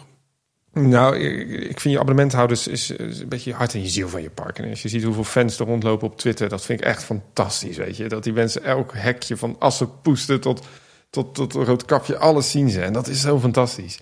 Uh, wat ik alleen heel erg jammer vind van het abonnementhouderschap van de Efteling zijn twee dingen. Eén, is geen abonnement waarop je 365 dagen per jaar naar de Efteling kan. Uh, er zijn heel veel blokdagen eigenlijk. En ik snap eigenlijk, ik heb nooit gesnapt dat de Efteling niet gewoon zegt van we gaan meerdere uh, abonnementsoorten in, inrichten. Mm. Abonnementsoorten waarvan je ze kunt zeggen je lokale budget uh, soort, hè, waar je ook wat blokdagen doet. Kan je hier ook misschien wat negenpleinen uh, festijnfeestjes eruit halen. Dat is gewoon je abonnementshoudersfeestjes, heb ik vaak het idee. En je kunt natuurlijk al die levels helemaal inrichten zoals je wilt. Waaronder gewoon een duurdere versie waarin je gewoon het hele jaar door naar de Efteling kan. En waar misschien ook wat extra voordelen in zitten. Wat Efteling goed doet, is dat, dat blad wat ze uitbrengen, de Wonde. Dat dat echt abonnementshouders vind ik de laatste tijd echt verbeterd. Maar dan geven ze wel 5% korting op, op, op, op, op, catering of op, op, op horeca. En dan denk ik echt oprecht, Efteling, doe dat dan niet. 5%. Maakt geen echt verschil. Nee, dan koop je inderdaad een paar snacks en dan krijg je 50 cent korting of zo. maar dat, dat, dat is het. Ik, ik denk echt van, vertrouw nou, waardeer je fans bedoel ik. Weet je, waardeer je, waardeer je abonnementhouders. En 5% vind ik geen waardering. Doe het dan anders. Doe het dan anders. En leuk, ik kreeg van Efteling een gratis gebakje op mijn verjaardag. Vind ik hartstikke leuke acties. Maar die 5%, ik heb elke keer als ik dat krijg, dan denk ik echt van, nou, wat willen ze hier nou mee bereiken? Vind ik jammer. Ik vind het jammer dat de Efteling niet die kortingen wat meer in dat park uh, kan doen. Je ziet het wel dat ze langzamerhand wat meer kortingen voor oud en nieuw en dat soort feestjes. Maar ik vind het nog een beetje karig. En ik zou wel heel graag willen dat de Efteling wat meer een, uh, wat meer een abonnementshouders-feestje krijgt. We hebben nu een eigen Facebookgroep natuurlijk. Maar goed, dat vind ik stapje 1. Uh, ik zou wel willen dat de Efteling wat meer naar andere parken kijkt, hoe hun dat doen. Um, Europa Park stuurt foutjes voor gratis dingen. we zien um, Walt Disney World heeft speciale openingen als je natuurlijk een bepaalde genre dure abonnementen hebt. Ja, waarom zou dat niet kunnen voor de Efteling? Nou, dat is ook een idee wat we kregen van een luisteraar via de mail. Ik heb zo helaas niet de naam bij de hand. Van wie? nee, is dat flauw. Sorry, opnieuw. Uh, en die stelde voor om een soort spaarsysteem te hanteren in plaats van korting. Dus in plaats van dat je dan die uh, nou, best wel lullige korting krijgt van 5%, dan spaar je gewoon punten op je abonnement. En die kun je dan bijvoorbeeld inzetten voor specifieke korting, maar dan wel wat hm? aanzienlijkere korting, zeg maar. Of uh, dat je gratis dingen krijgt, of ja, net wat dan ook.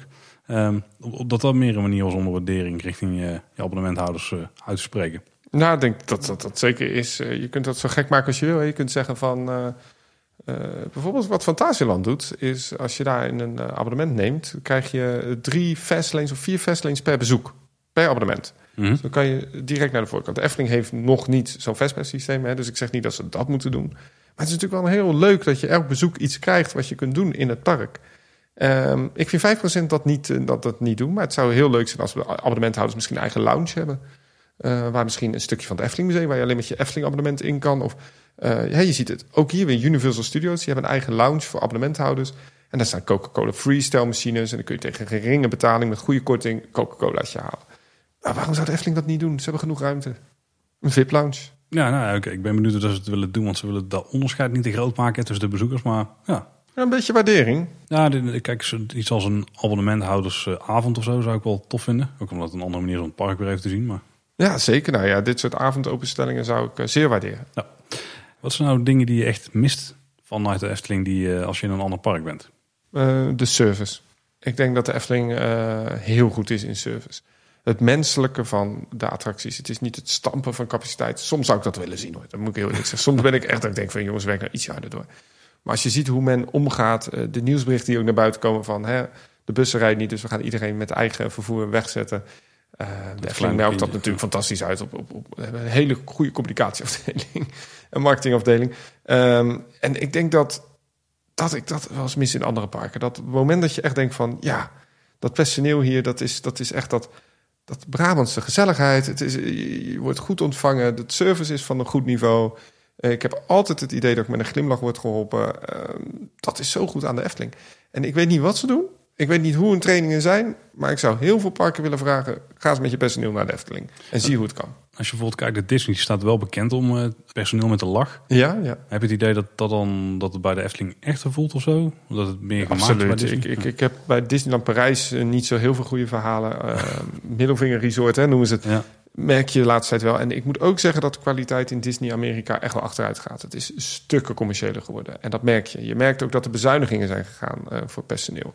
Staat minder personeel. Um, ik weet niet waarom. Ik weet ook niet wat de reden daar is. Tuurlijk, meer geld verdienen. Ze zijn daar miljarden aan het pompen in al die attracties. Uh, maar ik hoop toch dat de Efteling dat niet gaat doen. Ik hoop toch echt dat de Efteling niet te geforceerd het personeel gaat brieven. Ik denk dat ze het goed doen. Het, natuurlijk is altijd ruimte voor verbetering. Niks is perfect. Maar ik wil de Efteling toch daar een groot compliment geven... hoe ze dat elke keer weer doen. Het is dat huiselijke wat je zegt. Het is dat ongedwongen... Um, en toch heb ik altijd het idee efficiënt. En wat ik heel erg vind van het personeel in de Efteling... ze zijn altijd heel serieus met hun werk bezig. Ik heb nooit het idee dat ze onveilig werken. Er is één ding wat ik echt niet vind kunnen... en dat is bij, altijd bij Joris en de Draak. Ik, uh, ja.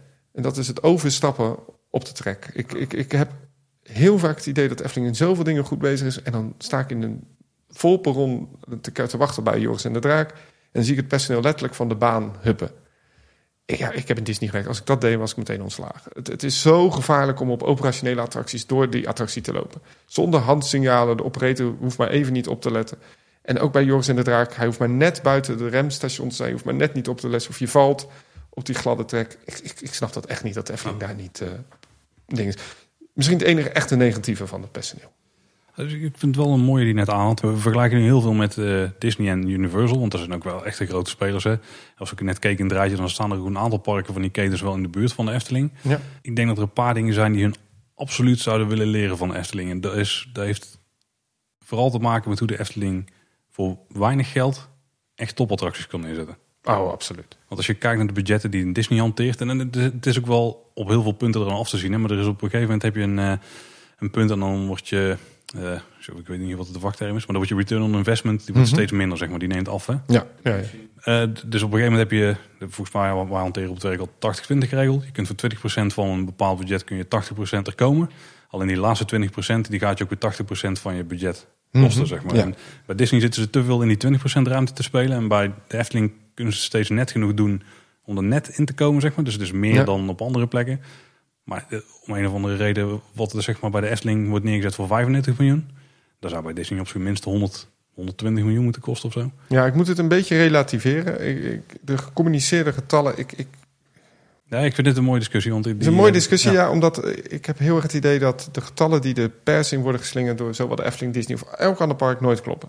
Want wat bereken je in je fee? Wat bereken je in je nieuwe attractie? Ik weet bijvoorbeeld bij Ratatouille dat daar ook de licensingkosten zijn die ze intern moeten doorbelasten nu Ja. in Disney.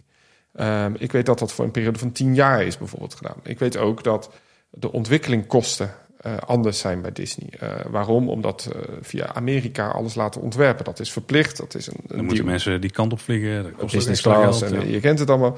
Maar is dat, hoort dat nou bij de kost van de nieuwe attractie of niet? Ik heb dat op mijn werk ook. Hè. We- Daar hebben we heel vaak discussie. Ja, wat zet je nou op je begroting? Wat is nou het meest transparante? Ik denk dat Disney misschien wat meest transparant is van dit kost nou een echte attractie.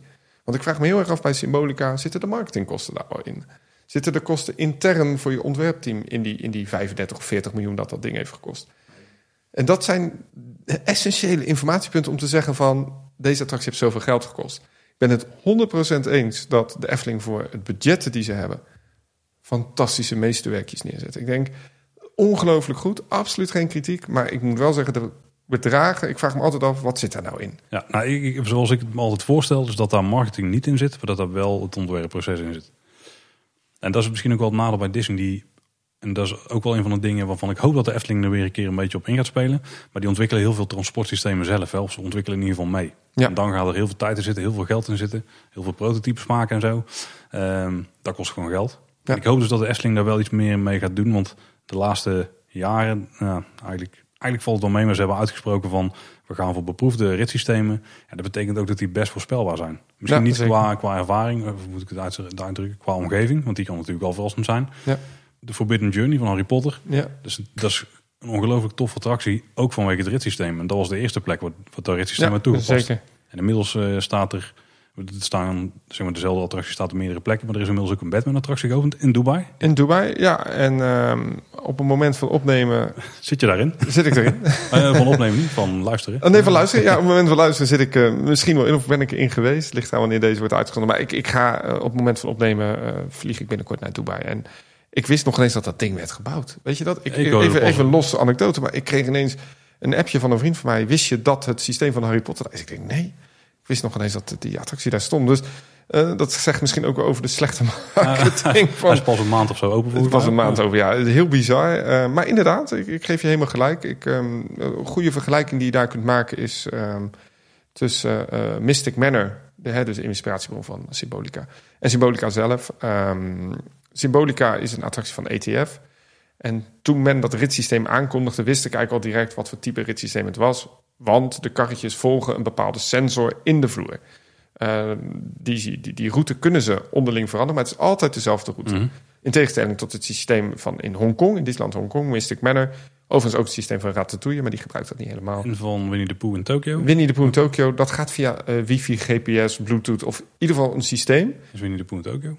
Winnie de Pooh eh Honeyhand, ja, Is dat Tokio? dat is in Tokyo. Oké, oké. Zeer zeker, Nee, ja, nee, zeer nee, zeker sorry, dan zei ik het goed. Ik was even. Ja, oké. Nou ja, het mooie van die attractie is dat het een hele dure techniek is, omdat dat inderdaad met, met andere Ja, systemen een werkt. Waardoor ze, GPS, hè? ja, nou ja, ze kunnen de karretjes letterlijk een andere route laten volgen op het moment. Dat kan in de Symbolica niet. En daar zie je dan de budgettaire, budgettaire keuzes van zo'n attractie. En dan weet je inderdaad, het wordt niet zo goed als misschien wat het is. En ik, maar ik, ik vind wel dat Efteling daar tegenwoordig het maximale uithaalt. En heel goed ook voet bij stuk houdt. Bij de Baron hebben ze echt gezegd, we willen die drop direct naar beneden. Dus je wil geen bocht bij een B&M mini divecoaster. Alle B&M divecoasters op dat moment, nog voordat de Baron werd geopend... is nu een andere, grotere versie die dat ook heeft... is de lift-hill ketting altijd los van de stop-and-drop ketting. In Baron hebben ze dat toch moeten aanpassen... omdat de Efteling voet bij stukje, wij willen dat. En ik vind dat ook wel de kracht van de Efteling, hoor. Ze hebben nu wel standaard ritssystemen. Ik heb wel het idee dat ze daar het meest maximale uit willen halen. Ja, symbolisch heb je dan bijvoorbeeld wel die interactie in die voertuigen. Nou, misschien niet het meest geslaagde onderdeel van de attractie. En geluid, dat is volgens mij ook niet standaard. Dat zal vast een optie zijn, maar daar halen ze inderdaad wel het meest uit. En ik heb het vermoeden dat ze dat bij Max en Morris dus ook gaan doen. Dat ze er ook meer proberen uit te halen dat dat normaal gesproken gebeurt met het ritssysteem. Maar dat is ook omdat de budgetten dan bij de Efteling weer wel hoger liggen ten opzichte van veel andere parken die diezelfde systemen gebruiken. Dus de Efteling kan Ja. dat dan weer wel doen. Ja, zeker. Ik, ik heb hoge verwachtingen van Max en Morris. Nog een ding wat ik bij andere parken dan graag zie, en dat is deels ook wel erg in eigen belang, is het niet uitstralen van die commerciële inslag. Wat je net eigenlijk ook al aanhaalde. Vooral bij Disney, daar stralen van alle kanten af dat die gewoon overal geld uit willen slaan. Maar dat is er. Kijk, ik was in Disneyland, eh Anaheim. In, ik wilde World of Color zien, maar de beste plaatsen waren gereserveerd voor dinner packages. En dan denk ik, ja, dan sta je dus altijd, als je niet extra betaalt voor een dinner package, dan sta je altijd eh, tweede rang. Ehm, ja, dan denk ik van, eh, dat, dat, dat, dat, wil- je dat als park? En ik ben heel blij dat Efteling dat eh, nog niet doet. Nou, maar ook bijvoorbeeld het exit through the gift shop. Als je bij Disney uit een attractie komt en je komt in een gift shop uit, dan kun je de uitgang vaak niet zien. Nee. Dan moet je echt in de winkel gaan zoeken, waarbij je dus langs allerlei merchandise komt waarvan ze hopen dat je het meeneemt. Om te gaan zoeken waar, die, waar het licht weer naar binnen valt, zodat je ook überhaupt weer naar buiten kunt. En misschien is dat een, de, de, ja, de, de, de gierige Hollander in me, maar ik geef er helemaal niks om. ik geef sowieso niet superveel om park merchandise. En dan, dan Maar je- waarom niet dan? Koop je dat in de Efteling niet veel merchandise? Nee. Maar waarom niet? Ik, ik, ik, ik ben een beetje. Ik ben altijd heel goed geweest in rotzooi verzamelen. En daar probeer ik een beetje van af te stappen. Maar is het ook niet dat de Efteling in mijn optiek, als we dan toch weer naar andere parken kijken, Ah, ja, ja. echt achterloopt op merchandise? Ik vind het eh, oprecht, jongens. Er zijn zoveel meer parken die zulke gave merchandise doen. En dan denk ik echt van, ik vind het zo jammer dat er bijvoorbeeld in de Efteling zo weinig attractie merchandise is. Ik, ik denk overigens wel dat ze hier ook wel de goede weg op. Alleen de kwaliteit blijft soms wel achter. Het blijft heel erg vind ik, op families en kinderen. Maar ik, Ah, ja. natuurlijk, de Efteling heeft wat, wat, wat uitzonderingen. hè. Ze hebben beeldjes uitgebracht van het park. En eh, in de intratuin kun je je hele Efteling kerstdorp eh, samenstellen. Leuk. Maar ik mis toch nog net nog even die, die, die, die, die, die, die exclusive things. Die, die, die, die postertjes. De mooie artwork wat je kan kopen. Nou, de Pietelmoeren waren wel echt een heel goed voorbeeld, denk ik. van Moore, ik denk dat ze daar ook wel geschrokken zijn van de, Ja. van de omzet. In positieve zin. Maar dan brengen ze een verzamel-cd uit met stemmetjes van sprookjesbosbewoners doorheen op een, op een kantje. En dan denk ik, de betoverende Efteling-melodie. En dan denk ik van, Efteling, is dit nou echt... Ja, waarom? Ik vind dat bij de nieuwe jammer. niet meer, hè? Sorry? Dat is bij de nieuwe versie niet meer. Nee, maar het is nog een beetje oud zeer. Eh, ik kocht die cd met hele andere insteek en ineens kreeg ik allemaal Ja. Dingen er doorheen. Ja, ik wil nog wel even terug op, de, op de, die, die commerciële inslag. Of vooral Mhm. missen daar dan van. Nou, de, de Efteling heeft natuurlijk wel als doel winst te maken. En vooral met het doel om het park gewoon mooi te blijven houden. En eh, verder door te ontwikkelen. Ik krijg er toch wel een soort onprettig gevoel bij bij sommige andere parken. Dat je echt gewoon weet dat jij daar bent om alleen maar zoveel mogelijk euro's uit die portemonnee te trekken. Nee, je bent een, eh, in pretparken ben je een soort... eh, ja, is Ben je een- product? Ja, maar je bent, er is ook een term voor. Dus ja, je bent opgesloten. Je kunt niks anders dan eh, geld uitgeven. Ik moet zeggen, ja, ik ben het erbij eens. Maar toch zou ik het soms ook wel willen dat de Efteling iets commerciëler gaat denken. Ja, dat ben ik ook wel Ehm, met je eens. Ja. Op het moment, toch nog in het laagseizoen, is het toch wel heel lastig om nog een maaltijd te scoren in het park na rond sluitingstijd. Ehm, dat soort dingetjes dat ik denk van, ah, Efteling, daar kan, je, daar kan je meer mee. Ja, ik, ik weet niet. Ik heb toch soms wel dingetjes dat ik denk van, oh, als de Efteling nou iets commerciëler denkt, dan zou het misschien toch ook wel iets beter kunnen zijn. Ik heb nog wel een aantal dingen eh, die me vooral opvielen in Disneyland Parijs. Waarvan ik heel blij was dat de Efteling ze niet deden. En ik weet niet zeker of dat ze voor meer parken gelden. Wat me daar echt heel erg stoorde, maar waarvan ik heel blij was op het moment dat de Efteling het niet doet. Is dat het daar echt op het minste en geringste, terwijl je in de wachtrij staat of misschien zelfs in de attracties zit.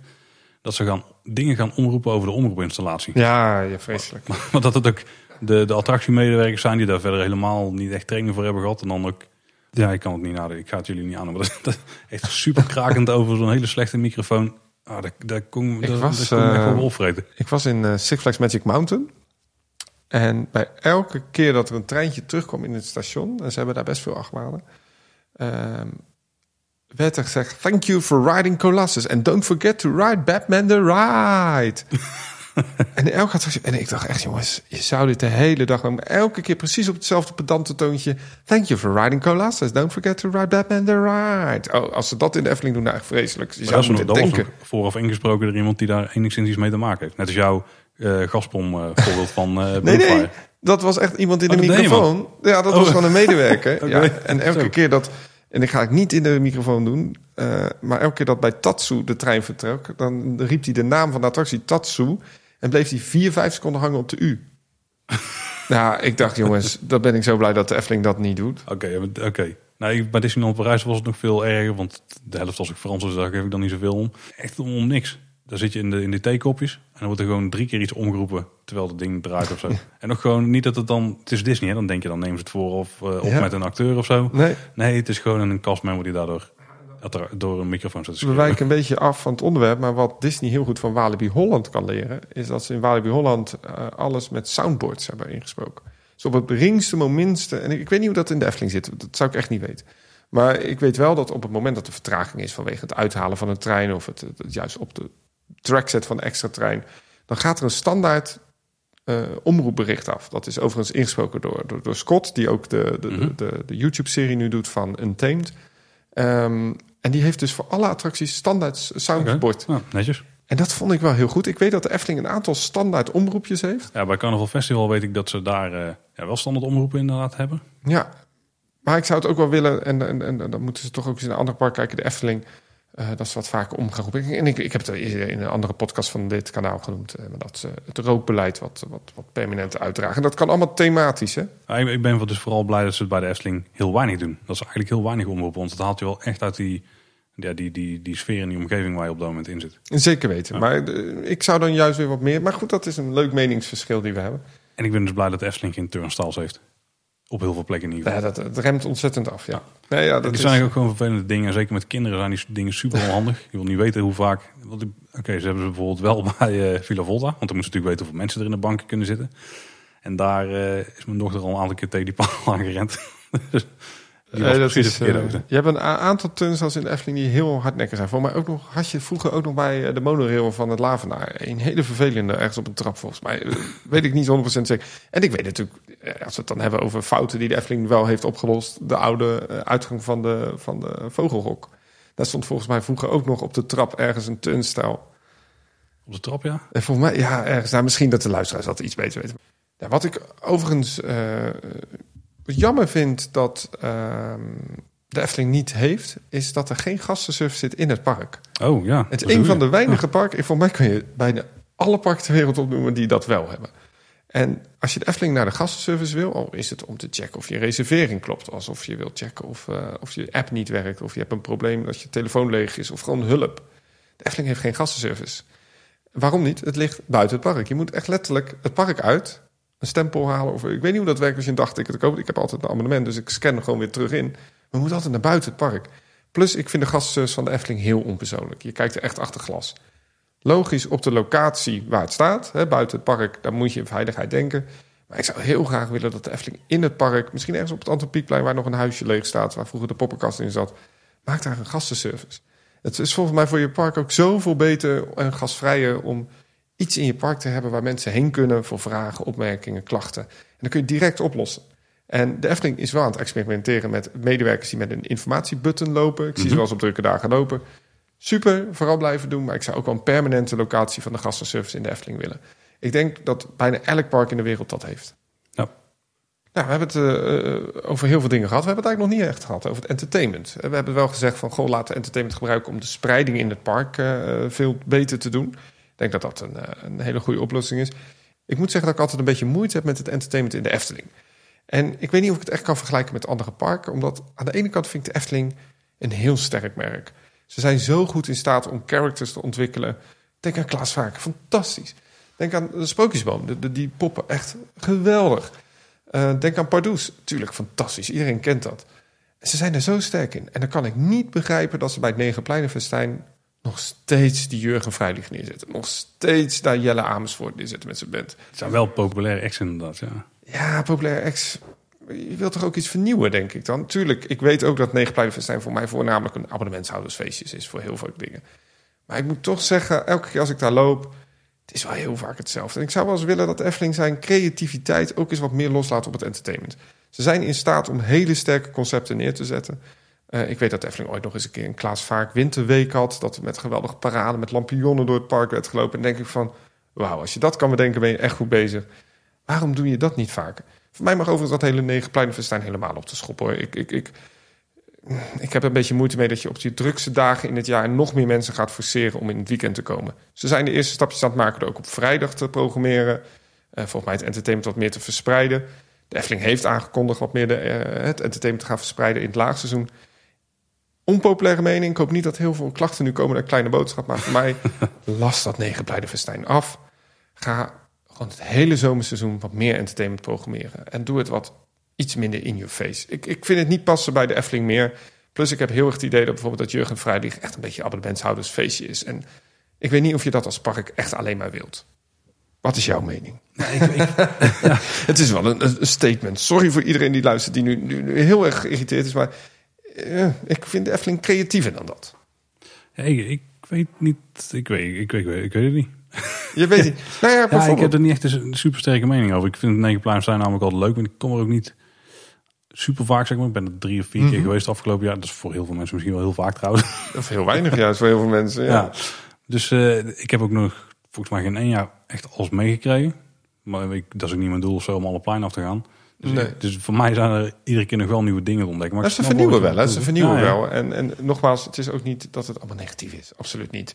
Maar ik denk gewoon dat de Efteling creatiever is dan wat ze nu neerzetten. En, en, en ik, ik, ik, bijvoorbeeld Jeroen Verheijen, een van de bekendste entertainers in de Efteling, die heeft zoveel gave acts bedacht. En tuurlijk, die hangen heel erg samen omdat hij het doet. Maar ik vind het toch een beetje jammer dat we niet meer die acts zien in het park. Juist dat soort straatacts, dat past wel heel goed in het park. Ja, dat stukje missen ze wel. Iedereen was ook heel erg blij dat er weer eh straattheater op de planning stond voor het Anton Pieckplein. Ja, zeker. Maar er waren twee redelijk kleine acts, zeg maar, en niet echt... Ja, maar ook ingehuurd wat standaard acts. Ja. Letterlijk, je kunt op internet naar dat bureau zoeken die dat inhuurt. En dan denk ik van, je hebt creatieve genieën in dienst. Als Jeroen Verheij. En natuurlijk, het zijn nu twee acts volgens mij van hem te zien in het park tijdens Negenpleinenfestijn. De statige stuurman, Eh. uitgevoerd door iemand anders. En, en zijn eh OJ Punctueel act. Ja, Nadir.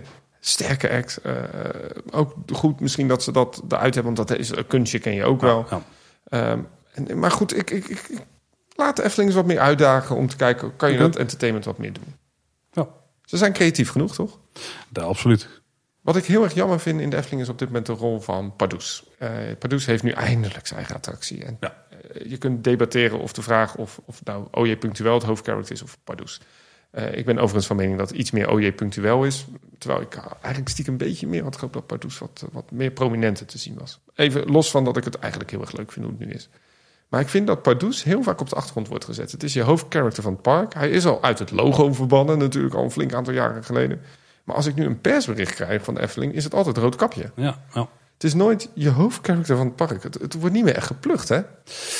Nou ja, het, ze stonden vroeger wel, Produce en Partij dan, hè, als ik Ja. het heb, bij het Huis van de Vijf Zintuigen te ontvangen. Maar volgens mij hebben ze op die plek nu die borden neergehangen. Nee, die hangen Ja, onder die het, eh, tv-schermen, Ja, die ja. hangen eronder trouwens. Ja, ik klopt. heb, ja. met, ik heb ze daar al een tijdje niet meer zien staan. Met onze binnenhaal, eh halend, zwaaiend. Nee, zeg klopt. Eh, en ik denk dat ze Produce ook een beetje, nu er zeg maar een plek is waar die thuis wordt in het park, dat ze hem Mhm. daar ook echt willen houden. Dus dat hij binnen zijn eigen themagebied wel. Ja, Maar ook niet meer bij persbericht of zo, hè? Nee, nee, nee. Maar ik vind het jammer, omdat het Ja. zo'n sterk karakter is. En ik, ik, ik, ik hou van Pardoes. ik vind het leuk, ik vind hem lief. Zet dat ding. Ja, nou ja, goed, dat is een beetje een mening. Ik, als je bijvoorbeeld kijkt naar hoe, hoe, hoe Disney dat doet. Dat is natuurlijk, bij elke opening is Mickey Mouse. Ja, ik snap wat je bedoelt, ja. Want ik denk dat op, dat op zich geen probleem is. Ik denk dat het niet erg is dat ze Pardoes alleen maar binnen het Rijk der Fantasie houden. Dat is best wel een groot gebied en daar valt de entree ook onder. Dus daar kun je dan in ieder geval nog iets mee doen. Maar inderdaad, als er iets is zoals die opening van, van die bibliotheek in Tilburg... met een deel Efteling, Ja. dan zet je hem daar toch neer... en dan komt altijd het kapje opdraven. Of als er, eh, als er weer goedkoop gereisd kan worden vanaf station Antwerpen naar Nederland... dan staat het rood kapje daar en niet Ja. Pardoes. Ja, ik snap wel wat je bedoelt, ja. Ja, en, en ik vind het... Ik weet niet wat... Ik, nogmaals, het is mijn mening en ik weet, het is echt wat ik vind hoor. Maar ik vind het ook jammer dat Pardoes niet te zien is in de, in de overnachtings... eh, in, in Bosrijk of in, in het Loonse Land. Laat hem dan ook een keer rondlopen in een apart kostuum... wat past bij Klaas Vaak. Ik vind het jammer. Ik, ik vind het een beetje een gemiste kans eigenlijk... dat Pardoes ja zo weinig te zien is. Misschien vinden ze dat dan ook weer een beetje jatten van Disney. Dat ze te veel Mickey Mouse laten lijken. Ja. Af en toe denk ik dat de Efteling ook dingen wel laat om niet van kopieergedrag beschuldigd te worden. Nou, dat kan. Ik, nogmaals, ik vind Bosrijk fantastisch. En ik, ik vind Klaas Vaak geweldig passen in dat thema. Maar toch, ik heb wel een beetje jammer gevonden dat dat, dat roodkapje altijd te zien is. En dan heb ik eigenlijk nog, nog één ding wat de Efteling heel goed kan leren... volgens mij van andere parken, en voornamelijk parken met verblijfsaccommodatie. Laat ik nog maar een keer Europa Park noemen. Maar ook andere parken doen dat. Is ehm, de voordeel die je krijgt als je in een resort slaapt. Ik vind op dit moment het voordeel wat je hebt als je bij de Efteling slaapt... nog een beetje karig. Ehm, je mag een half uurtje eerder het park in. Dan mag je voor mij eerder aansluiten bij Symbolica. Je mag volgens mij Vogelhok is af en toe open, Pandadroom. Ik heb het altijd zonde gevonden dat ze bijvoorbeeld bij het Loonse Land niet een achteringang hadden gemaakt voor het park. Waarin je gewoon kunt zeggen, Joris en de Draak een uur van tevoren open voor al je eh, resortgasten. Eh, ik denk, misschien is het commercieel helemaal niet aantrekkelijk hoor voor de Efteling. Misschien is het ook helemaal niet nodig vanwege de bezettingsgraad. Maar ik vind het toch altijd een beetje jammer dat je niet in het Loonse Land slaapt of in een ander, dat niet echt een voordeel bij zit. Wat ik denk dat de Efteling nog wel kan leren van andere parken is dat ze ook... eh, en overigens dit echt een van die dingen waarbij de lijn die kant wel op gaat... maar waarbij ze een, een nog meer budgetvriendelijke overnachtingsmogelijkheid aanbieden. Ja, nou ja, dat, dat zou. In het Loonse ja. ze zijn begonnen bij het hotel, duur, naar Bosrijk iets betaalbaarder, zeker voor wat grotere groepen. Ja. En dan naar het Loonse Land. En ik denk dat ze ook wel gaan doen hebben. We weten al dat er een, camp, een eh, camperstaanplaats komt. Ja. Eh, maar ja, de- iets van een camping of zo, waar je je eigen tentje mee kunt nemen. Of dat er misschien nog simpelere chalets staan. Een beetje die variant. Zoiets, eh, ja, ze, ze kunnen het wel gewoon, Ze kunnen het hebben. ja, ze kunnen het hebben. ja. En ze kunnen het ook zeker aanbieden. En die zouden regelmatig vol zitten, vermoed ik. Dat denk ik wel. Ja. Nou, het was wel interessant eigenlijk dit. Hè? We hebben eh, denk ik een beetje de, de, de, de, de een beetje maar door elkaar gepraat met wat wij vinden. en het is absoluut niet leidend. Nogmaals, het is niet altijd negatief, maar het kan altijd beter. Ik vind het een interessante aflevering. Ja, en ik eh, wil nogmaals benadrukken. Hij was absoluut niet negatief bedoeld, de aflevering. Het zijn allemaal zaken die dan opvallen bij andere parken... waarvan je denkt van, dit zou echt mooi zijn als de Efteling het ook doet. Of dit zou echt eh, slim zijn als ze het doen. Want je, dat vind ik altijd. hè. De Efteling is, het voelt een beetje als mijn park. En dan hoop je dat ze alles natuurlijk Perfect doen. ja. Ja. perfect doen. En dat ze op het hoogste niveau meedoen. En dat ze alle kansen die er, die er zijn, dat ze die grijpen. Maar het is natuurlijk ook een kwestie van, kwestie van aan de ene kant budgetten. Je moet ook de mensen hebben om het te kunnen uit, eh, uit te kunnen Ja, voeren. zeker. Eh, en het moet binnen de visie passen. Want wij kunnen sommige dingen wel heel mooi verzinnen. Maar als ze niet, passen binnen de, de, de grenzen die in de statuten vol zijn opgesteld. Of binnen de mogelijkheden die er zijn met afspraken qua bouwpercentage, whatever. Ja, dat kan natuurlijk niet. Maar dat is het mooie van zijn. Wij weten eigenlijk heel veel. Maar over één ding weten we eigenlijk allemaal niks. De bedrijfsvoering. Ja, heel weinig. Ja. Daar zijn ze ook best wel gesloten boek over. Heel veel parken. En misschien is dat maar goed. ook. Dan kunnen wij dit soort afleveringen doen waarin we gewoon een beetje dromen. En dat geeft ook de forums een beetje voer voor speculatie. Toch? Ja, zeker weten. Nou, ik vond het een interessante aflevering. Ja, nou Tim ook weer bedankt voor jouw input. Ja, Nou, luisteraars weer bedankt voor het luisteren. En Danny en natuurlijk weer hartstikke bedankt voor het eh, vervullen van de rol van Tim. dankjewel. Erg leuk om te doen. Nou, heb je zelf nog eh, hier ideeën bij? Heb je zelf vooral nog dingen waarvan je vindt dat de Efteling ze heel goed doet en dat andere parken er nog iets van kunnen leren? Laat het weten aan ons. Kan bijvoorbeeld via het contactformulier op de website, kleineboodschap.com. Of doe het via Twitter. Kan ook via een direct message, maar ook natuurlijk gewoon eh, tweeten naar @kaboodschap. Of ga naar Instagram en Facebook en laat daar een berichtje achter. Daar zijn we Kleine Boodschap. En als ze bij jou nog iets willen melden, Danny, of als ze willen klagen over jouw mening, wat moet het dan zijn? Info at kleineboodschap.nl. goed. Nee, ze kunnen eh, mijn socials eh, zoeken. Danny Eftelflex op Instagram of uh, Eftelflex op Twitter. En uiteraard op YouTube. Nou, dat was het weer voor deze week. Bedankt voor het luisteren. En hoe sluit jij dan af, Danny? Hoi hoi. Houdoe. Houdoe war.